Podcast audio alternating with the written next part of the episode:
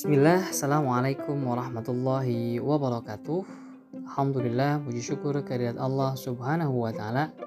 Salawat beserta salam semoga limpah curahkan kepada baginda Nabi Muhammad sallallahu alaihi wasallam. Baik sahabatku sekalian yang senantiasa dirahmati oleh Allah Yuk kita kembali ngopi, ngobrol penuh inspirasi dan motivasi.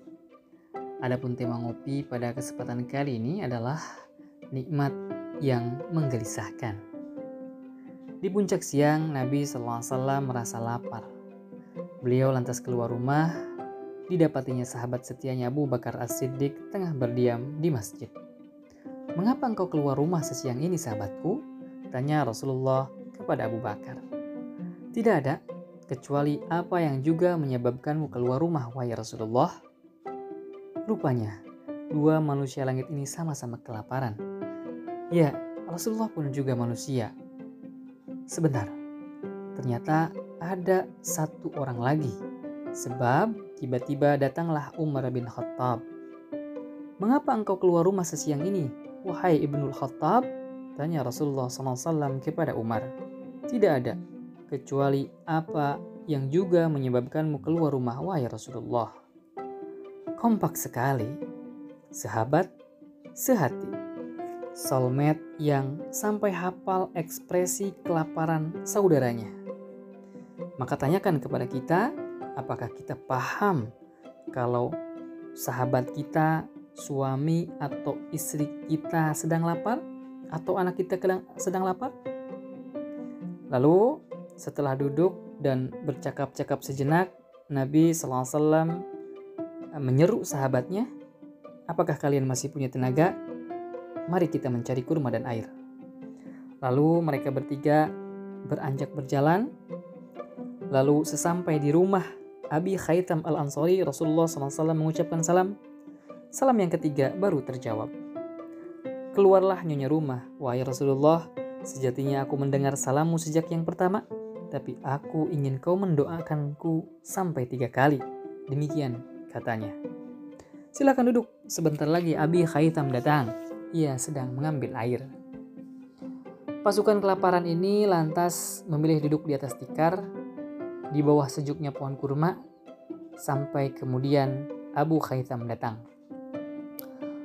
Terpongahlah dia mendapati tamu kehormatan yang tak diundang dan ya sedang kelaparan. Ia lantas memanjat pohon kurma, memetikkan untuk tamunya kurma-kurma dengan berbagai lever dari yang masih mentah ranum sampai yang matang lunak. Ia sediakan pula air minum untuk tamu-tamunya. Beberapa saat sebelum menyantap hidangan, Nabi Shallallahu Alaihi Wasallam bersabda, inilah nikmat yang nanti akan ditanyakan di hari kiamat. Beliau merujuk pada ayat terakhir surat At-Takatsur, kemudian kamu pasti akan ditanya pada hari itu tentang kenikmatan yang kamu terima itu. Quran surat At-Takatsur ayat 8. Subhanallah. Barangkali kita kadang terjebak bahwa yang disebut nikmat itu sesuatu yang besar saja. Seperti lulus ujian, naik pangkat, pulang haji, jadi anggota dewan, diterima PNS, lalu tasyakuran. Ada-ada saja, karena pola pikirnya memang terlanjur seperti itu. Maka kita akan kecewa dan bahkan ada yang putus asa karena tidak menerima nikmat-nikmat skala besar seperti itu. Karena terlanjur kecewa,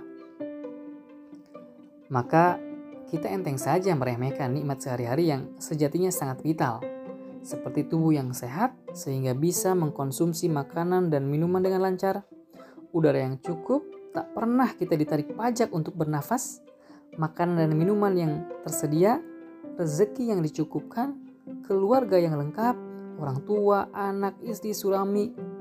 Kurang apa lagi?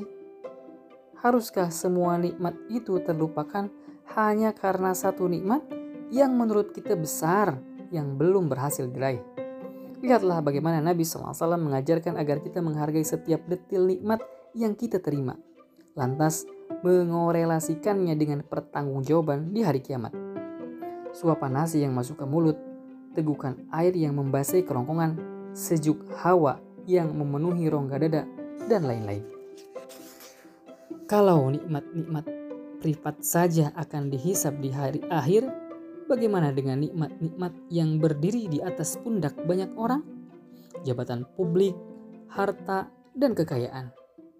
Jadi jika betul-betul hendak mensyukuri nikmat yang kita terima, rasanya tak akan cukup waktu untuk mengucapkan hamdalah. Kuncinya, jangan gelisah karena nikmat yang belum diterima, gelisahlah karena nikmat yang belum disyukuri. Wallahu alam, demikian ngopi pada kesempatan kali ini. Insya Allah kita akan ketemu di kesempatan ngopi berikutnya. Assalamualaikum warahmatullahi wabarakatuh.